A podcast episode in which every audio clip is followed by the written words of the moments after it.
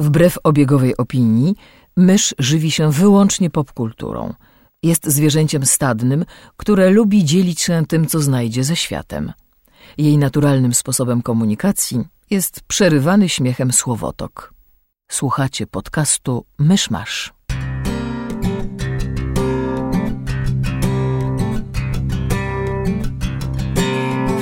Gospodarzami podcastu Myszmasz są Krzysiek Ceran, redaktor portalu Avalon. Kamil Borek ze studia Kobart. i Mysz, autorka bloga Mysza Mówi. Drodzy słuchacze, jest 12 października 2015 roku, rocznica urodzin Pedra I oraz jego koronacji na cesarza Brazylii. Zapraszam do 112 odcinka podcastu Myszmasz. Kim był Pedro co zrobił Pedro Cesarzem Brazylii, właśnie to zrobił? Powiedziałem. Nie miała cesarza? Eee, tak, z- zaraz, zaraz po ogłoszeniu niepodległości chyba była.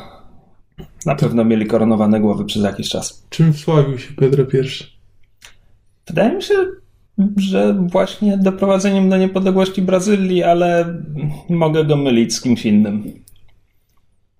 Interesujące. Chyba. Witajcie, dobre słuchacze. To będzie, to będzie dziwny odcinek, jesteśmy zmęczeni wszyscy. Przez moment myślałam, że ten pancake się moczy w tej mięcie. Nie, ja go tak położyłem, y, znasz te holenderskie herbatniki, co je się kładzie na Tak. kubku, żeby zmiękły od pary. No więc ja go sobie tak położyłem, Ale swoją żeby... drogą strasznie fajny pomysł. Tak, tylko one są obrzydliwie słodkie. Pomysł fajny, ale nie mogę ich jeść. Ale można kupić inne herbatniki i je położyć. No. Ale one tak doskonale pasują do, do obwodu kubka. Nie do tego ten jest większy niż standardowy kubek. To wszystko zostaje w odcinku. To jest czyste złoto. Jak słyszycie, mamy dzisiaj kryzys. Rozmawiamy o kubkach. No. To co kto ostatnio widział? To chyba ceremonialnie przechodzimy? No, były jakieś newsy filmowe? Coś się działo? No właśnie, no to przechodzimy dalej. No wiesz, New York Comic Con trwa, więc tam już pierwsze, pierwsze doniesienia idą, ale największych teraz jak to nagrywamy jeszcze nie było. Zwiastunu Jessica Jones jeszcze nie było, a wszyscy oczekują, że będzie na zakończenie. Um, ale tak, w tych pierwszych dniach to tam mm, rzeczy, których można się było spodziewać. No Marvel ogłosił, że Ant-Man dostanie sequel i że sequel będzie miał łasp w tytule, co marketingowcy próbowali przedstawiać jako taki wielki sukces, że wow, będziemy mieć bohaterkę w tytule filmu i to było przykre. Tak, ale żeby wprowadzić teraz to jeden sequel Antmana, to musieli przepchnąć Captain Marvel później. Ale, ale tylko o 4 miesiące. Y, Zresztą jakby ten, ten wyścig i tak przerżnęli, no bo DC będzie rok wcześniej miało Wonder Woman w solowym filmie. no, Jeszcze A- zobaczymy. No, myślę, że będzie. Ja raczej nie wróżę, żeby ten Batman v Superman był, się okazał klapą finansową Nie ma przynajmniej. mowy. Ma Batmana i Supermana w Tak, tytule. nie- Nie, nie- ma nie da mowy, żeby to była klapa. Co poza tym? No, ogłosili, kto będzie rysował komiksową kontynuację Legendy Kory, ale to interesuje tylko mnie, więc nie E, Ron Perlman dołączył do obsady ten e, Fantastic Beasts and Where to Find Them, czyli tego nowego filmu ze świata Harry'ego Pottera. który będzie będzie. grał fantastyczną bestię. No właśnie, I'm assuming, ale ta, ta obsada się rozszerza o naprawdę strasznie fajnych aktorów. Tam jeszcze po drodze parę innych ogłosili, tylko nie chcę powiedzieć, kogo grają, ale wygląda to naprawdę imponująco. Ja w każdym razie jestem bardzo ciekawa. Znaczy, a skoro, bo skoro wspomnieliśmy o Jessica Jones i skoro już tak... Przepraszam, ja tylko wstrzelę z jedną małą drobnostką. To nie było na New York Comic Conie, ale tuż obok.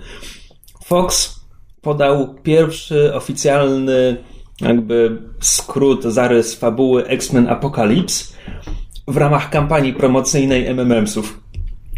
Wow. No, Fox współpracuje z MMMsami, więc był obrazek, nie wiem, bodajże czerwonego MMMsa przebranego za Storm i żółtego przebranego za Magneto, czy coś takiego. I do tego oficjalny skrót fabuły X-Men Apocalypse. Taka notka o tym, kim jest filmowy Apokalips i tak dalej. Wow, No nie? Wow. To jest marketing na najwyższym poziomie. Tak właśnie. A tymczasem DC bawi się w ten w virale i na New York Comic Conie Wi-Fi zapewnia... Przepraszam, usłyszałem konikon. Tak, na tym konwencie o konikach e, Wi-Fi zapewnia LexCorp. I- A w ogóle oni a propos Lexa Luthora to, to był e, znaczy nie pamiętam czy artykuł, czy wywiad, ale był z, właśnie wywiad z tym Lexem Luthorem Juniorem w Forbes, na stronie Forbesa i teraz już jest e, od chyba wczoraj chodzi strona właśnie tam lexluthor.com czy coś takiego. Trochę mnie martwi, że ten, e, jak mu tam chciałem powiedzieć, Mark Zuckerberg. Jesse Eisenberg. Jesse Eisenberg e, jest, znaczy ma włosy. Boję się, że jego utrata włosów będzie częścią fabuły i jeszcze częścią jego e, konfliktu z Supermanem i to by było... You made me bald! nie, to mi się wydaje jakieś takie, że to mógłby być bardzo kiepski motyw. Nie wiem czemu po prostu się... włosy, włosy Eisenberga jakoś wywołały we mnie niepokój.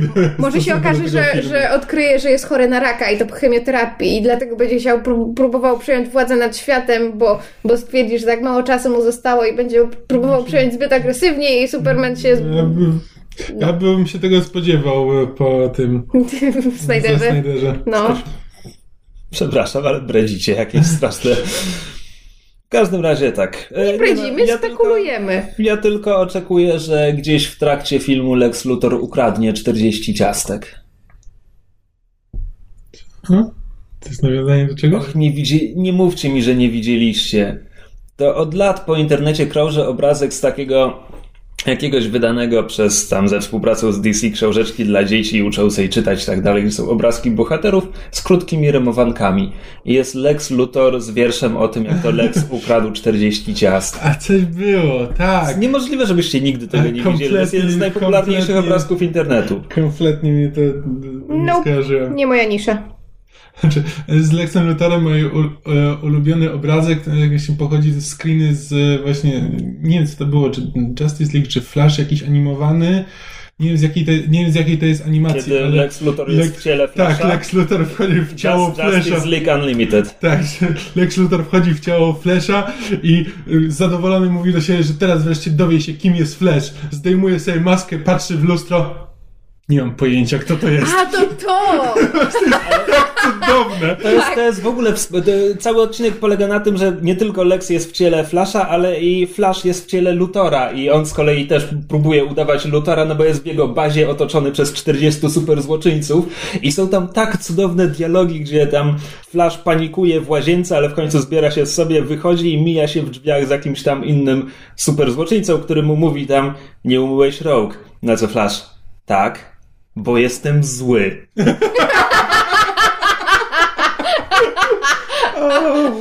Sound argument, bardzo mi się Justice podoba. League jest fantastycznym serialem, szczególnie Unlimited.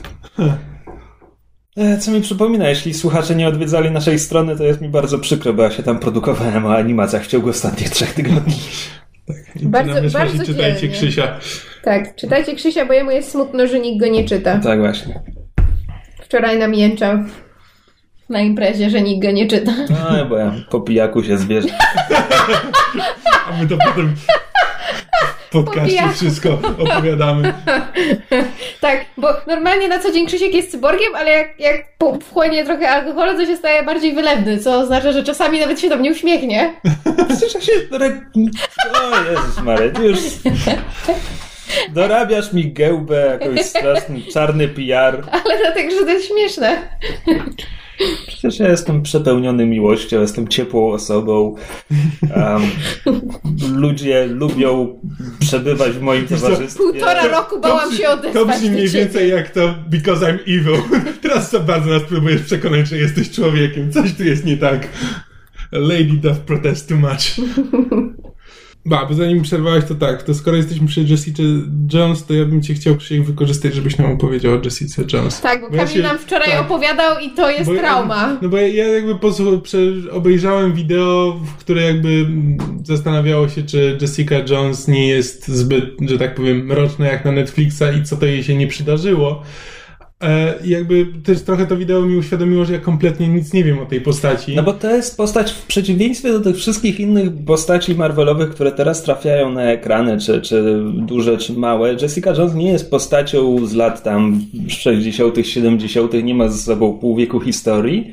Została wprowadzona, nie pamiętam dokładnie roku, no w tym momencie to już będzie ponad 10 pewnie. Tylko, że ona ta, też nie jest tak, że została wprowadzona i nagle została, zaczęła się pojawiać w 50 różnych komiksach. Tak naprawdę Jessica Jones to jest seria komiksowa pod tytułem Alias.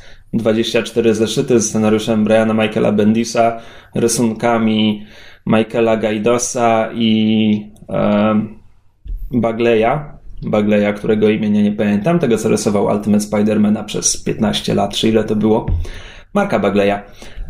Więc to jest jedna seria komiksowa. Potem miała słabszą kontynuację pod tytułem The Pulse. E, I to było te króciutkie, a potem Jessica zaczęła się pojawiać jako tam postać drugoplanowa w New Avengers Briana Bendisa. E, ale to tak naprawdę regularnie wciąż była tylko w tym jakby jednym miejscu.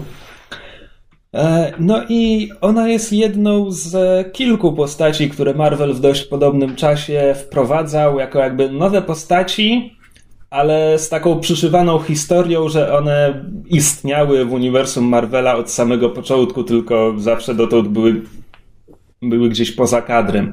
Więc na przykład Sentry był wprowadzany z taką szopką. Tam w ogóle była jeszcze szopka, że to jest oryginalny twór e, Stana Lee, o którym Stan Lee zapomniał. Teraz publikują jakieś...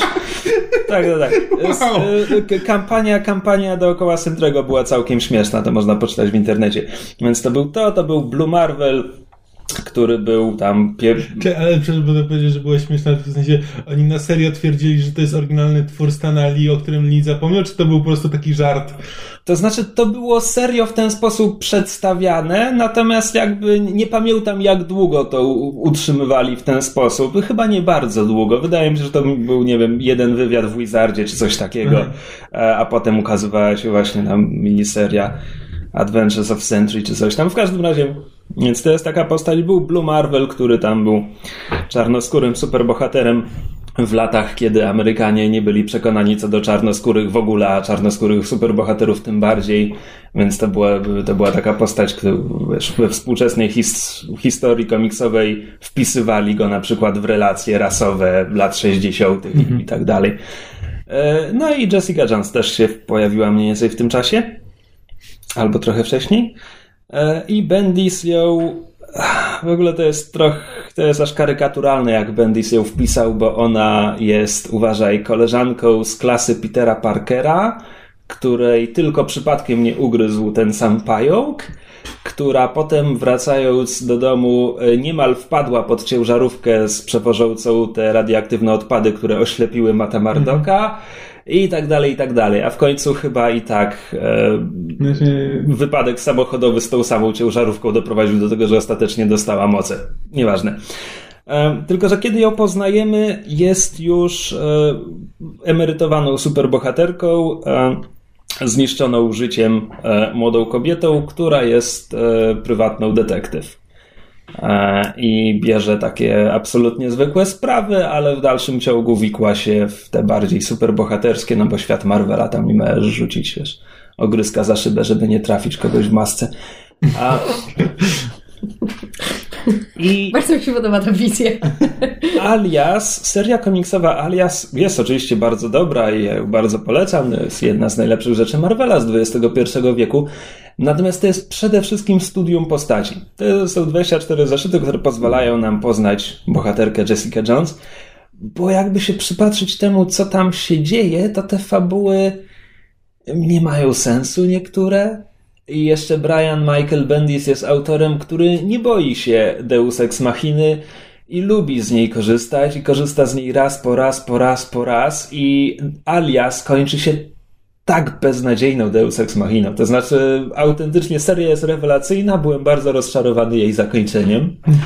E, A żeby było jeszcze śmieszniej, potem Puls kończy się, w, może nie w bardzo podobny sposób, ale Puls też się kończy tak, że tam przeciwnik góruje absolutnie nad wszystkimi, po czym, że tak powiem, sam się pokonuje, bo to jest w, w The Pulse Norman Osborn jest przeciwnikiem i on w ogóle jest w stanie jakby wykpić się ze wszystkich zarzutów i tak dalej, tylko że w samym finale wariuje i na oczach wszystkich tam zakłada maskę zielonego goblina i bije. I to jest tak tanie.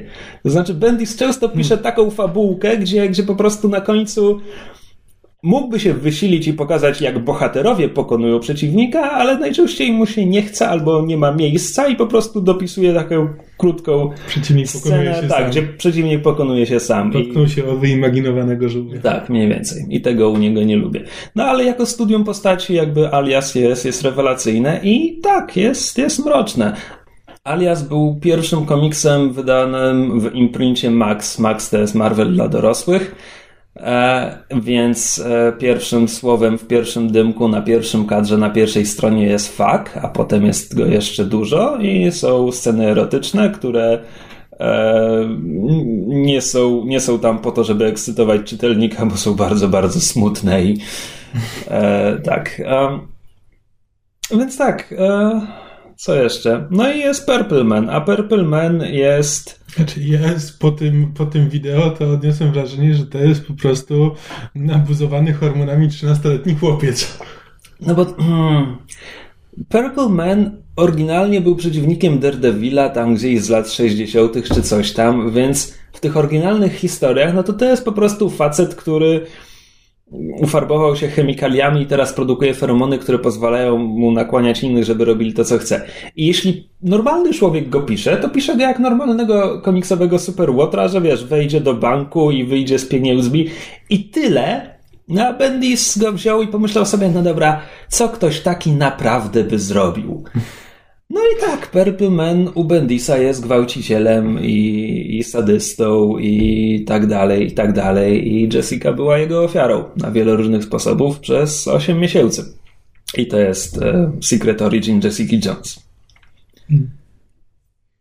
No, właśnie Ciekaw jestem, ile z tego zostanie potem wykorzystane w serialu. Znaczy, jak, jak depresyjny będzie to serial. Bo jak na razie te zajawki, które pokazywali, są takie. Znaczy, są kolorowe, są. Mają taki. Kolorowe, taki ale zob- zobacz, właśnie- ile jest fioletowych plam w kadrze. Tam są fioletowe plamy koloru, i dla mnie to jest ewidentnie jakiś symbol tego, może nie dosłownie, dosłownego wpływu Purple Mana na Jessica, ale po prostu ten jakby fioletowy cień na jej życiu.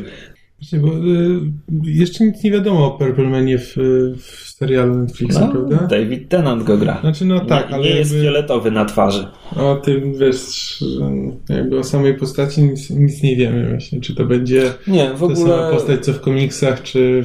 No bo nie jest fioletowy. Mówię, e, Jess- Jessica jakby tym się odróżnia od tych wszystkich innych postaci, że ona nie ma 50 lat historii, które, z których można wybierać i przenieść na ekran. Ona ma tę jedną historię. Więc jakby na pewno będą dokonywane zmiany, od choćby dlatego, że w tę jej historię uwikłane są postaci, do których Marvel nie ma praw, bo potem nie tylko, nie tylko jak była nastolatką, to się co chwila mijała na ulicy z superbohaterami, ale potem, nie wiem, E, Carol Danvers, czyli wtedy jeszcze Miss Marvel, jest jej najlepszą przyjaciółką. E, umawia się na randki ze Scottem Langiem, Ant-Manem. Okej, to jest jeszcze stajnia Marvela, ale na przykład ta koszmarna Deus Ex Machina bierze się z bierze się e, ze względu na Jean Grey z X-Men, do których Marvel nie ma praw. E, a jak Jessica była e, młoda, to miała e, plakat Johnego Storma, który jest punktem fabularnym w pewnym momencie komiksu. Tak, ładnie ujęte. Więc, e, więc tak. E, no, więc zobaczymy. Na pewno jakichś zmian tam dokonają. E, ale wydaje mi się, że, że, że tak powiem, clue tej historii pozostanie to samo. Nie braliby Purple Mana, gdyby nie mieli zamiaru tego zrobić. No. No tak, więc trzeba się przygotować na dosyć, dosyć mroczny serial. Może być nawet mroczniejszy niż Daredevil. Ale tak a propos mrocznych seriali, czy mogę zrobić bardzo ładny segway? No dobra. Bo Ładny to by był, gdybyś się nie zatrzymała, żeby powiedzieć, że robisz ładny segway. Mamo, patrz, robię salto. look at me! Bez trzymanki, segwayuję bez trzymanki. Miał premierę pierwszy odcinek piątego sezonu American Horror Story. Tym razem z podtytułem Hotel.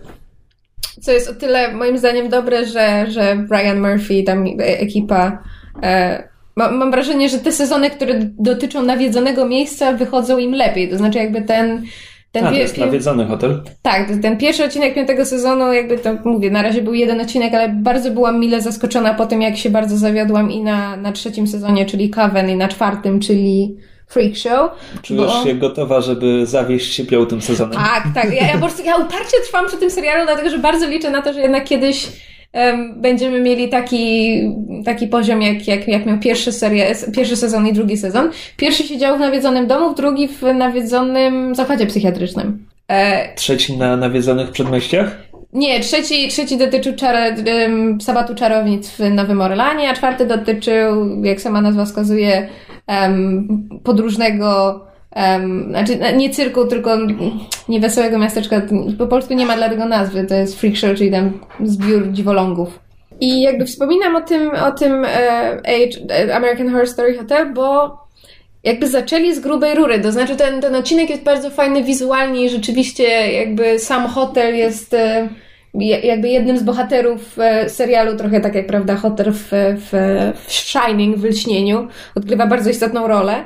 E, Natomiast oprócz tego, że jakby wizualnie jest wysmakowany ten pierwszy odcinek, jest tam fantastyczna sekwencja, w której Lady Gaga i Matt Bomer, em, którzy, znaczy przynajmniej tak wynika na pierwszy rzut- rzut oka, grają parę wampirów, e, idą na żer, wiesz, się ubierają, przygotowują, znajdują sobie ofiary i potem wracają i się z nimi zabawiają w łóżku. Jest scena e, krwawego czworokąta. Ale to jest jakby, no to, to, to nie jest, to nie jest jakoś w szalenie em, nie wiem, obrazoburcze. No, podobne sceny mogliśmy widzieć, nie wiem, na True Blood? tak, True Blood albo, nie wiem, Gra o Tron, jakieś, wiesz, takie te bardziej e, kontrowersyjne pod pewnymi względami seriale. Natomiast była scena, o której ja wczoraj mówiłam Kamilowi, e, która... To jest pierwszy odcinek, więc ja nie wiem, czy ta, dalej z tą postacią będzie coś, em, coś ciekawego robione, czy ona będzie jakoś jeszcze wykorzystana. I słowo wykorzystana w tym kontekście jest bardzo niewłaściwe. Natomiast mam bardzo silne wrażenie, że także z tego względu, że to jest wiesz, pierwszy odcinek otwierający sezon, że to była scena e, shock for shock value. Bo jest i jeżeli jesteście delikatnej dyspozycji i e, opisy różnych nieprzyjemnych rzeczy powodują u was złe reakcje, to przestańcie słuchać. dyspozycji? Tak, delikatnej Prowadzisz dyspozycji. XIX-wieczną szkołę dla pani? Tak, cicho bądź. Em, ale no naprawdę scena jest, em, scena jest bardzo ostra i, i sam jej opis też nie jest e, przyjemny. Mianowicie jest em, scena, w której bohater grany przez em, Maxa Greenfielda, którego, nie wiem, możecie kojarzyć serial New Girl albo grał e, tego posterunkowego Leo w Weronice Mars.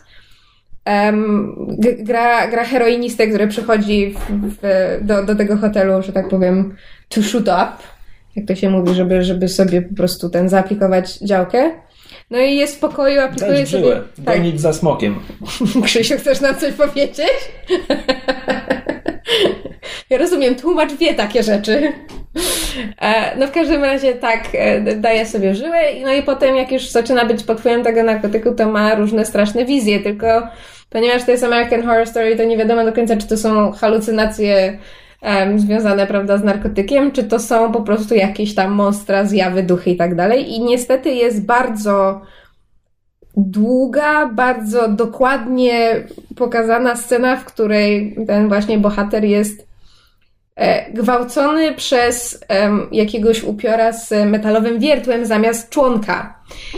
I jest to bardzo dokładnie pokazane i jakby jego ból i, i, i strach i, i, i, i no Ryan Murphy trochę przeszarżował i tak a propos, prawda, Ale tutaj rozmawialiśmy... się obkręci, czy... Nie, ale jest, ma jakby taką.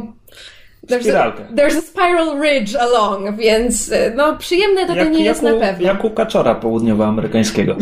Trochę tak, trochę tak. Em, w każdym razie tak tutaj mówiliśmy, prawda, o tej Jessica Jones, że tam są em, różne bardzo nieciekawe i dość takie drastyczne wątki związane z tym jej e, uwięzieniem przez, przez Purple Mana i, i właśnie tak mi się skojarzyło z, z tym American Horror Story, bo sama mówię, to, to znaczy ma, mam wrażenie, że trudno już jest mnie zaskoczyć w serialach, to znaczy właśnie w takim sensie, że jakby wywołać jakąś taką bardzo żywiołową reakcję poprzez, nie wiem, pokazanie brutalności czy, czy, czy czegoś takiego, a to mną rzeczywiście trząchnęła i wiem, że innym, innym, innymi widzami, innymi fanami jakby tej serii, którzy są już przyzwyczajeni do, do pewnych naprawdę drastycznych scen i motywów, no bo właśnie to jest serial horrorowy, więc, więc operuje takimi właśnie e, scenami, też byli mocno e, że nawet nie zszokowani, autentycznie zniesmaczeni, bo już po prostu w pewnym momencie jest przekroczenie tej granicy i bardzo poważnie się zastanawiam, czy czy Murphy po prostu nie przeszarżował, bo jeżeli ten wątek będzie jakoś dalej poprowadzony, no to okej, okay, no to to było jakieś, prawda, próbował coś przez to powiedzieć, jakaś metafora dla czegoś, nie wiem, bólu, e, uzależnienia albo czegoś, no nieważne, ale jeżeli to był jednorazowy... Heroinista jest Ameryka, e, Ameryką, a demon ze świdrem jest e, radykalną prawicą i, i a ten akt to są nadchodzące wybory. No chyba, że to wiertło trzeba traktować bardziej dosłownie właśnie jako takie wiertło do, e, do a, o, to jest oleju. o, fra- o fracking pewnie. Tak, to jest albo wo wojna, wojna o ropę i te, tak naprawdę ten potwór jest Ameryką, a ten biedny człowiek to są wszystkie kraje, które, e, które Ameryka napada. No, biorąc pod uwagę, jakie interpretacje poprzednich sezonów e, tego serialu, znaczy ten zdarzyło mi się czytać, to byłoby to wcale prawdopodobne. Natomiast boję się, że to się skończy tym, że ta postać, prawda, że to będzie jedyna scena, scena tej postaci, tylko shock for shock value. I po prostu się zastanawiam, w którym momencie należy jakby stwierdzić, że. Znaczy, z jednej strony się zastanawiam, jak bardzo przemoc musi być fabularnie uzasadniona, żeby była wybaczalna, i czy sam fakt, że doszliśmy do momentu, gdzie musimy fabularnie uzasadniać przemoc czy to nie jest ten moment, w którym powinniśmy się już w ogóle z tego wycofać? To znaczy, przemoc nigdy nie jest uzasadniona, a mimo to w serialach próbujemy jakby um, to usprawiedliwić. W pewnym sensie. Czy, czy wytłumaczyć w jakiś sposób, może nie usprawiedliwić, ale dać jakieś powody, dlaczego chcemy pokazać, prawda, jakąś tam, nie wiem, brutalność czy gwałty. No to jest znowu, prawda, wracamy tutaj trochę do, do gry o tron i tych dyskusji, które były a propos wątku Sansy czy w ogóle brutalności w grze o tron, która z sezonu na sezon coraz bardziej zaczyna właśnie, mam, mam wrażenie, zbaczać w stronę takiego o, to takie czasy, to świat fantazji, on jest brudny i brutalny i czego wy w ogóle chcecie?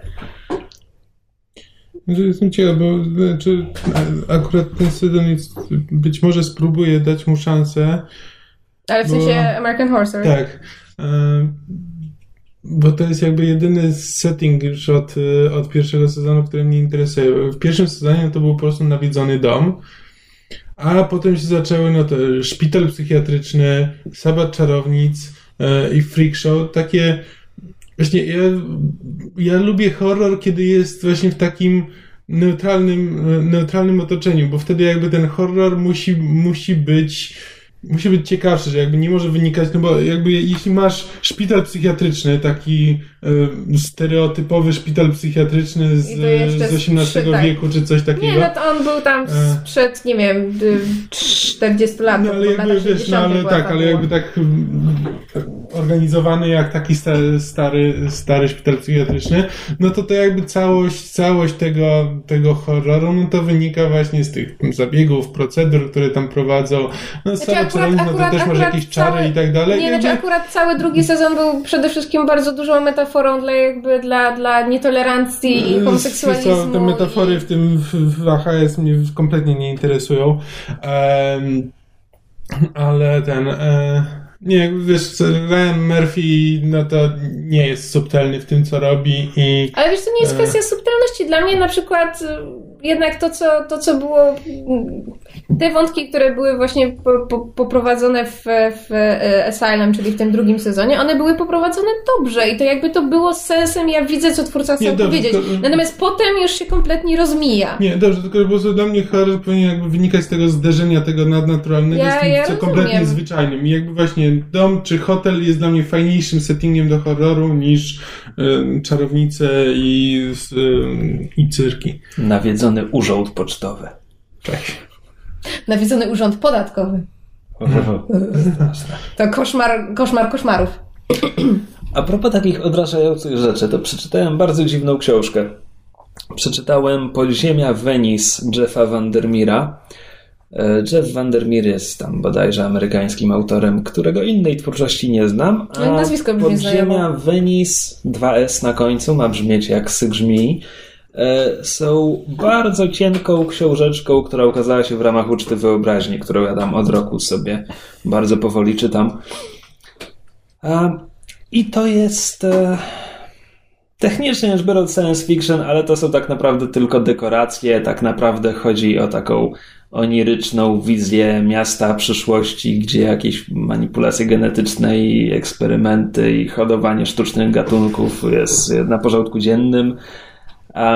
I poznajemy ten świat z perspektywy trzech osób. Mamy rodzeństwo bliźniaków Nikolasa i Nikole i ich przyjaciela Shadracha, e, gdzie tam jedna głupia decyzja prowadzi do czegoś ze strasznymi konsekwencjami, a potem a potem jakby główna część książki to jest w zasadzie um, autor tego tak nie opisuje, ale dla mnie to jest taki niemalże retelling mitu o, o e, Orfeuszu i Eurydyce, e, gdyby Orfeusz, że tak powiem, znalazł Eurydykę tuż za progiem, a potem poszedł dalej, żeby zabić Hadesa i wrócić. E, To, to mniej więcej tak to wygląda. A, a czemu mówiłem, że to jest odrażające? Bo tam jest bardzo dużo body horroru. Właśnie a propos tych eksperymentów, i a propos ofiar tych eksperymentów, i a propos zupełnie przypadkowych rzeczy, które się ludziom dzieją. E, I jest go bardzo dużo na bardzo różnych poziomach, że tak powiem, skondensowania, bo były tam sceny, które były dla mnie przerażające i nie chciałem ich czytać i autentycznie raz się po prostu prześlizgiwałem wzrokiem po zdaniach, żeby już dotrzeć do następnego paragrafu. A było też wiele takich scen, gdzie ten body horror jest już tak przesadzony, tak karykaturalny. Ja przepraszam, ty że ja też słyszysz koleżeński Body- horror? Body horror, tak. Pierwszy raz powiedziałeś, to myślę sobie, horror koleżeński? That sounds like fun. horror ciała, tak? Body horror. No, E, no tak, w wielu, a może to po prostu już kwestia tego, że jak przeczytałem 60 stron tego, to, to przestałem reagować. W każdym razie w wielu innych scenach jest po prostu na takim poziomie, gdzie tego nie można brać na poważnie.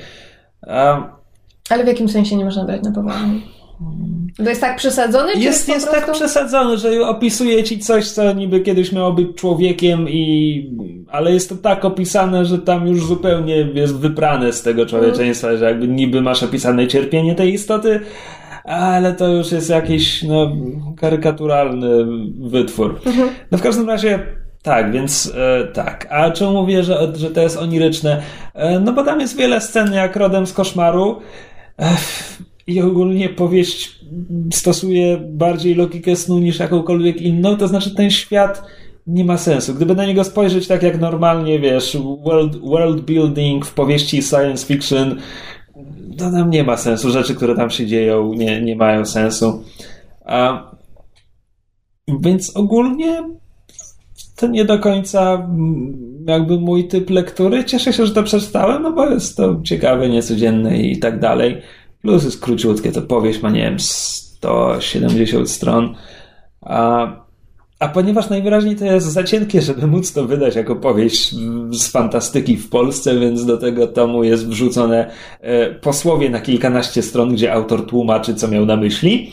E, a potem jest jeszcze nowela umieszczona w tym samym świecie na 40 stron i ta nowela jest cienka. To znaczy, powieść, w powieści bardzo wiele rzeczy stoi pod znakiem zapytania, a w noweli jest to wyłożone już tak, nie, proste, wydarzyło się to i to. To jest straszne, bo, bo to. To jest jakby tak, no nie wiem, cien, cienka była ta nowela. E, ale ogólnie tak, Podziemia, Venice. E, Mag wydał to w uczcie wyobraźni, nie wiem, 6 lat temu, ale e, że tak powiem, spust trafił już na rynek drugi obieg, bo ja to wyciągnąłem w Carrefourze za 10 zł, a widziałem też w Dedalusach, więc zalegają teraz przez chwilę. Można się za, za niewielką cenę przekonać, czy, czy komuś się to podoba, czy nie. E, to skoro tak zupełnie przypadkiem nam wyszedł temat około e, horrorowo No wiesz, październik. Uuu. Bu. Uuu.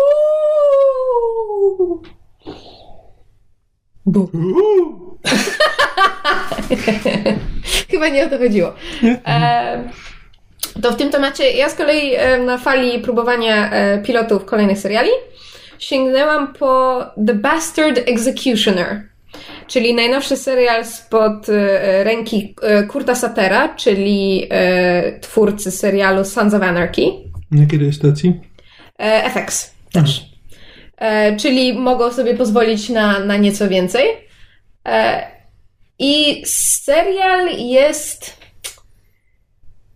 specyficzny, to znaczy mam już sygnały od, od, od osób, że, że ich znudził im się nie podobał i nie będą oglądali da- dalej, natomiast mnie zachwycił właściwie od pierwszego odcinka. Na początku nie, nie miałam pewne problemy z, z podążaniem za fabułą, bo jakby em, dotyczy ten jakby lokalnej polityki, a ja jakby jeżeli politykę nie mam, znaczy jeżeli nie mam wyłożone dokładnie kto jest kim, to potem trudno mi jest śledzić, jakie są między nimi um, prawda, tam zawirowania, intrygi i tak dalej. Natomiast stosunkowo szybko się wciągnęłam. Serial opowiada, rozgrywa się w XIV-wiecznej Walii, która jest jakby pod panowaniem e, Anglików i jest dość, prawda, angielscy władyci, władycy, władykowie? Władcy? Władzio. Lokalny władzie. e, jakby e, bardzo... Brododzierżcy. Tak, bardzo okrutnie się obchodzą ze swoimi em, em, w dużej mierze walijskimi podwładnymi, w związku z tym tam się gdzieś em, e, rodzi, rodzi jakaś rebelia mniej lub bardziej zorganizowana, jest taka lokalna em, właśnie grupa, grupa buntowników, która walczy, walczy o wolność Walii.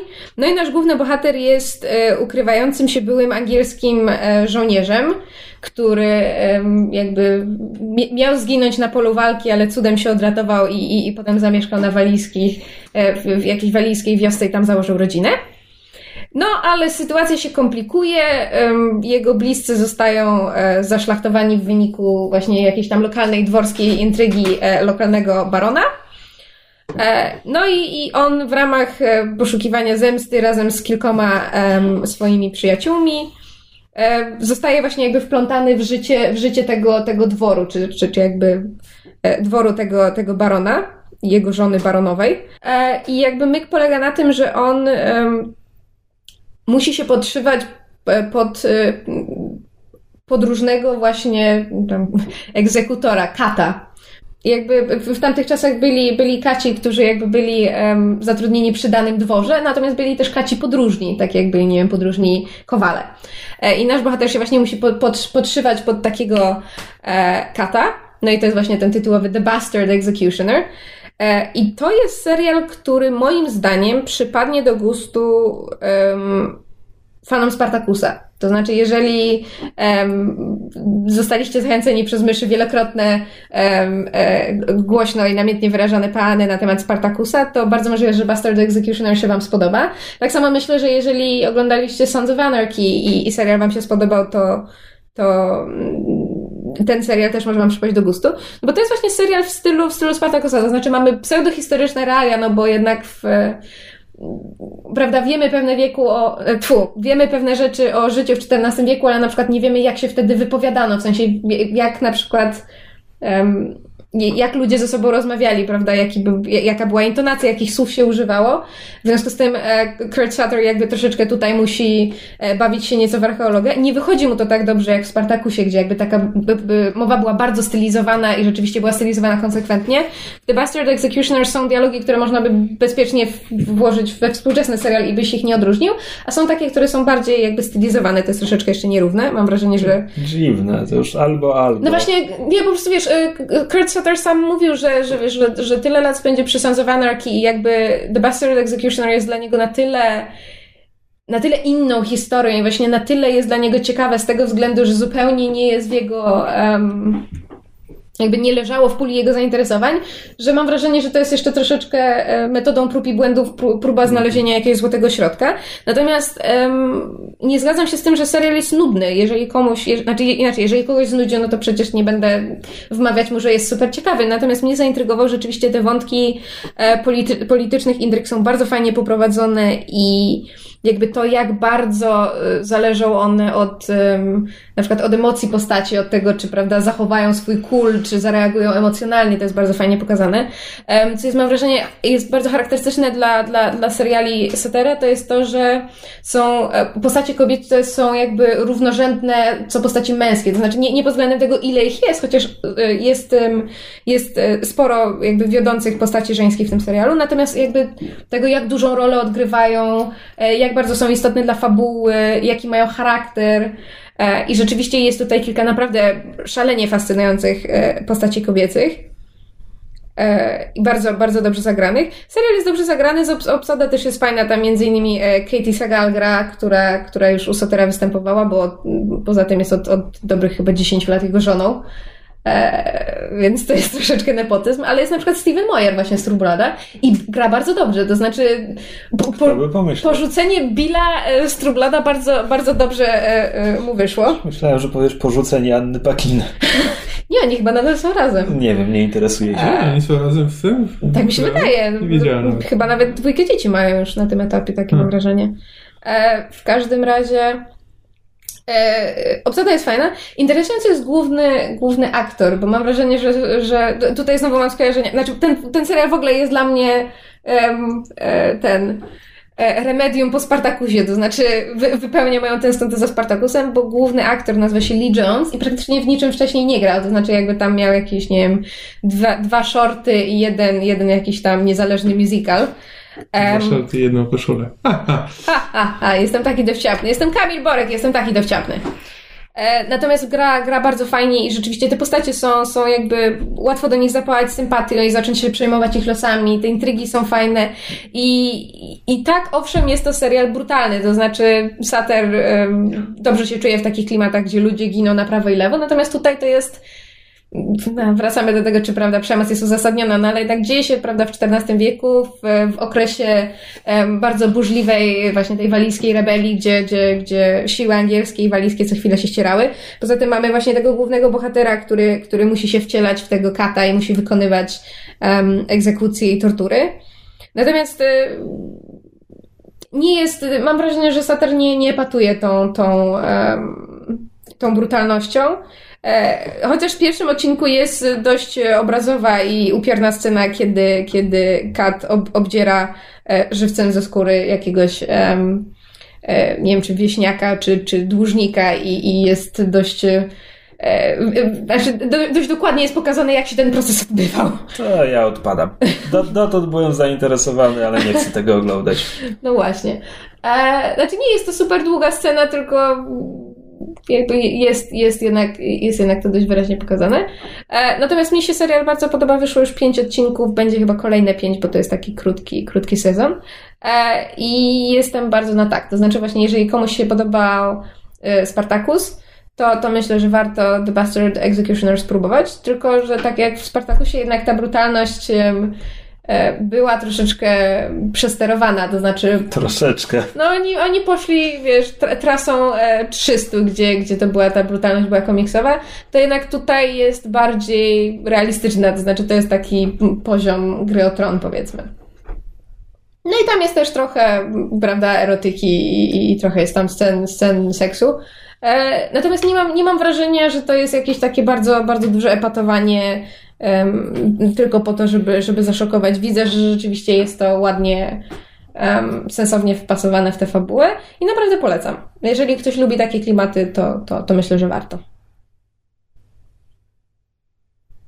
A czemu? Ale w sensie, że odpadasz ideologicznie, czy po prostu akurat konkretnie obdzieranie ze skóry cię... Znaczy w ogóle sceny tortur są dla mnie ciężkie. Nie, nie lubię. Ale wczuwasz się, czy robić się niedobrze, czy... Czy po prostu uważasz, nie że nie powinno się ich pokazywać? Nie, nie, nie. No, się, nie lubię. Aha.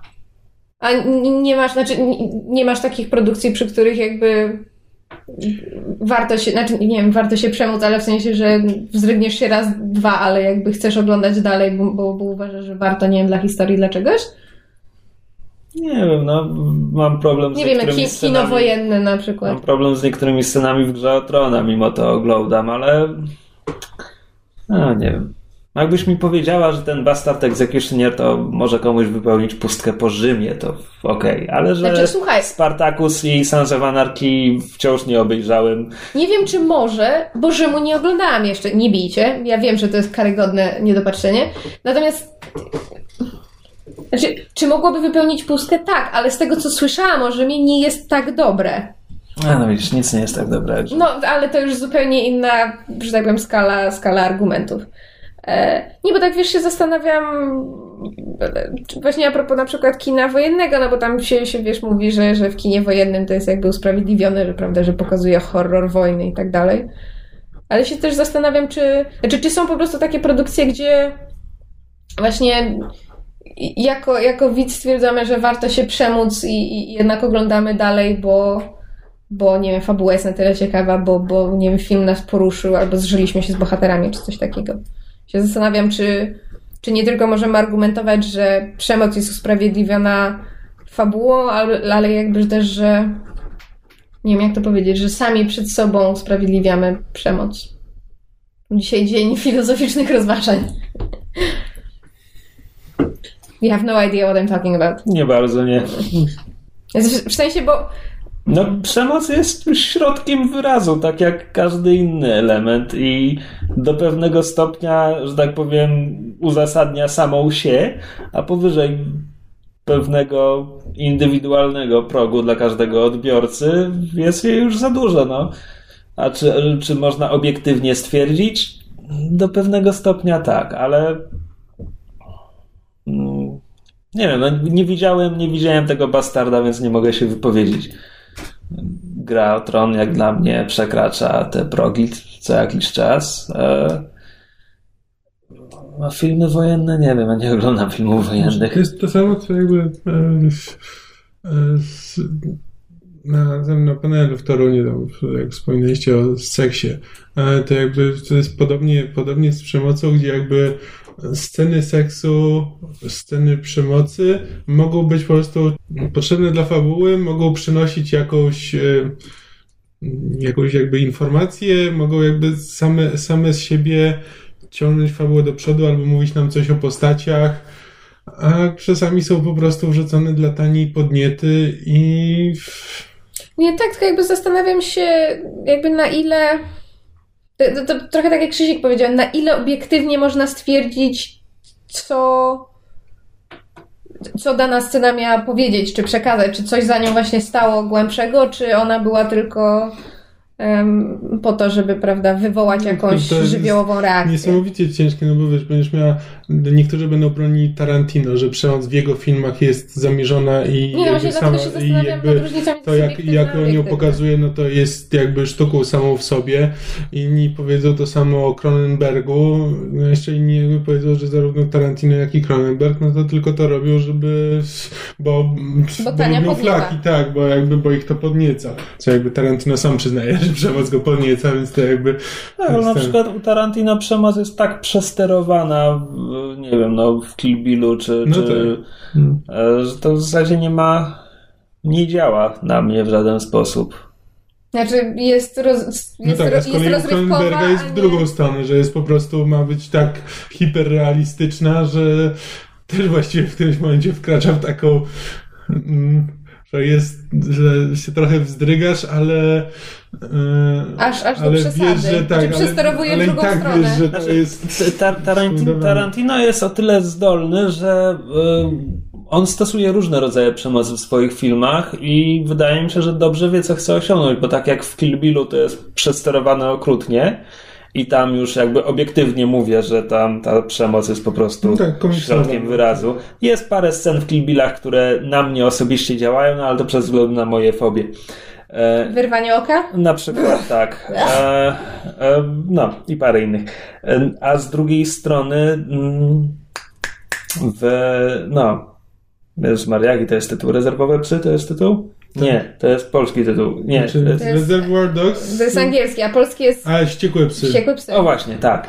Tak, no więc tam e, odcinanie ucha i tego typu rzeczy są bolesne. W Django e, są paskudne sceny przemocy, tylko że e, tam Tarantino cechuje się umiarem, bo najpaskudniejsza przemoc w Django jest odsunięta poza kadr. Mm, Popełniana na bezbronnych ofiarach, które jakby nie mogły reagować, jest poza kadr. Tylko słyszysz, co się dzieje, i to wciąż jest straszne, ale No rzeczywiście, Czy może nawet w każdym filmie to jest trochę inaczej, bo jakby w Inglourious Basterds też ta przemoc jest, wygląda trochę inaczej, bo też jest na takim pograniczu, że jakby jest przestylizowana, jakby cały film jest taki, ale stara, ale nie, to nie jest do takiego stopnia jak w, w Kill Billu. Ale nie jest, blisko. Nie, pozostaje. dla mnie, dla mnie Blisko. Byli No. bardzo blisko Kill Billa. Znaczy na, na pewno bliżej Kill Billa niż Django, no. No tak. Ale mimo wszystko Nie, tylko tak się, tak się zastanawiam, bo. Znaczy, nie. Nie chcę się wypowiadać na temat tego, czy jakby społeczeństwo jako ogół zostało, prawda, jak to się mówi, de- desensitized, czyli jakby znieczulone na przemoc. Natomiast je, jest, bo, bo jakby ja nadal reaguję na przemoc, no tak jak, prawda, ta scena właśnie w, nie wiem, w American Horror Story, czy te sceny The Bastard Executioner jednak wywołują we mnie jakąś reakcję, albo, znaczy właśnie albo obrzydzenie, albo się wzdragam, albo wywołują reakcję emocjonalną, jeżeli to jest krzywda, która się dzieje bohaterowi, który, e, z którym się zżyłam, który jest mi w jakiś sposób bliski. Ale jednak czasami jest we mnie to, to, to tkwi we mnie to takie pytanie, czy na przykład właśnie ta przemoc u Tarantino, okej, ona jest przesterowana, jakby w, w, wiemy, że ona jest nieprawdopodobna, nie wierzymy w nią, ale właśnie ta, u Tarantino on, on nie operuje, on operuje przemocą bardzo jakby umiejętnie, natomiast w pewnym momencie ta przemoc staje się rozrywką, to znaczy jakby oglądając na przykład, kiedy pierwszy raz byłam na, na, na Kill Billu, na, na, na jedynce, znaczy na jakby kiedy była ta scena, w, em, prawda, kiedy, kiedy, kiedy czarna mamba się bije z tym, tym 88, tak, tak, tam Crazy 88 z, tym, z tymi wszystkimi ninja, no to ja w pewnym momencie autentycznie zaczęłam się śmiać w głos na całe kino, bo po prostu to już było tak, tak nieprawdopodobne, a z drugiej strony, czy, czy jednak traktowanie tej przemocy jako rozrywki, czy to nie, nie jednak, jednak nie sprawia, że w jakiś sposób się, się uodporniamy? Znaczy jakby, czy sam fakt, że coś jest przesterowane i dla nas nieprawdopodobne, czy to... Czy, czy jakby fakt, że świadomie zdajemy sobie z tego sprawę, wpływa na to, jak na poziomie emocjonalnym odbieramy Nie mam pojęcia, ale nachodzi mnie refleksja, że przed tym nagraniem trzeba było przesłuchać piąty odcinek naszego podcastu, który yy, No miał tak- temat o przemocy. Ale ja się tak cały czas siedzę i zastanawiam, czy myśmy już kiedyś o tym nie rozmawiali? A z drugiej strony odcinek piąty, a odcinek 105. 112. Czy 112. No to wiesz, 100 odcinków temu. Możemy, we can assume we're not repeating ourselves. Znaczy jakby sam uważam, że jakby nie ma nic, e, znaczy niekoniecznie nic. To, że przemoc jest rozrywką, to jakby samo w sobie nie musi być negatywne. No tylko, wiesz, kwestia po prostu tego, no jak tak, nie czy, czy, czy przepychamy tą granicę i do jakiego stopnia. No jakby uważam, że na przykład, wiesz, no w Kill Billu jakby Nie, ale bardziej na tym się to... opiera, ale wiesz, ale są po prostu, są też filmy, które biorą to, z, jakby, bo mam wrażenie, że Tarantino jakby wie, co robi, kiedy kręci sceny przemocy, to jakby robi to z pełną świadomością tego, co robi, ale są też potem kolejni twórcy, którzy trochę go kopiują bezrefleksyjnie na przykład. I jakby Matthew i ta przemoc tak wychodzi e, e, no nie wiem, czy Matthew Vaughn bezrefleksyjnie to robi, jakby... Znaczy, zależy. Mam wrażenie, że jakby ciągiem obejrzeć kilka jego filmów, to tak... Znaczy, wydaje mi się, że na przykład wiesz, w porównaniu. Znaczy, Znaczy, że, Kikas. właśnie, że, że Tarantino różnicuje, a że Von jakby Znaczy, Kikas, nie... Kikas Matthew Vona jest jakby zdecydowanie lepiej ukazuje i w ciekawszy sposób ukazuje przemoc niż oryginalny komiks, który właśnie z. e, Jest, No tak, ale? Mark Millar z No. kolei jest scenarzystą, który od lat szokuje po to, żeby No szokować właśnie, i tam nie ma Mark, nic no właśnie, mądrego. i Mark Millar robi to kompletnie bezrefleksyjnie. On jakby wziął, z, y, wyciągnął z filmów Tarantino to, że przemoc jest fajna. E, I jakby i nic więcej. I to jest właśnie ta, ta, ta różnica, że właśnie w którymś momencie, że część osób, czy to twórców, czy odbiorców, jakby będzie, te, ta granica się trochę zatraca, bo, y, bo nie myślimy nad tym, co to, co, co znaczą te rzeczy, które oglądamy. Ale mi nawet nie o to chodzi, bo mi nie chodzi o jakby o z- z- z indywidualnego przypadku na indywidualny przypadek. Mi chodzi o to, że tak jak mówisz, że jakby są twórcy, którzy kopiują Tarantino. Mi chodzi bardziej o tendencję, czyli jeżeli jest tendencja, że coraz częściej traktujemy przemoc jako rozrywkę, nieważne czy stoi za tym głębsza myśl, czy to jest właśnie tak jak, nie wiem, Miller, prawda, tylko po to, żeby szokować, to czy jakby natężenie tego przekonania, że przemoc to rozrywka, nie wpływa w jakiś sposób mniej lub bardziej zauważalny na, na nas, na tam, nie wiem, społeczeństwo widzów, e, konsumentów popkultury czy coś takiego. No bo jest taki argument, pojawia się, prawda, w badaniach Tak, tam, nie wiem, socjologicznych czy coś.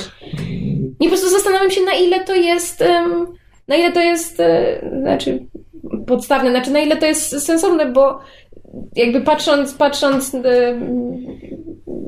po sobie, no to Owszem, właśnie są filmy, gdzie ta, ta przemoc i brutalność w ogóle mnie nie rusza, a natomiast są takie, to są takie dzieła, gdzie po prostu nawet nie muszę widzieć brutalności, tylko po prostu krzywda ludzka i po prostu reaguje bardzo emocjonalnie. Tutaj właśnie dla mnie przykładem jest um, Kompania Braci, Band of Brothers, ta, ta miniseria e, wojenna, gdzie jakby na sceny, owszem sceny, prawda, przemocy, znaczy sceny brutalności, gdzie, prawda, giną kolejni bohaterowie bardzo często brutalnie, prawda, przez jakieś, nie wiem, wybuchy e, pocisków, czy, nie wiem, nadepnęli na minę, czy coś takiego się stało. To rzeczywiście jest, prawda, krwiste i straszne i, i, i, i, i przykro się człowiekowi robi. Natomiast o wiele bardziej poruszające są te momenty, gdzie jest pokazana nie, nie, nie krew, nie flaki, tylko po prostu krzywda ludzka, ból jakby taki the, the, the, the, the, the humanity of man.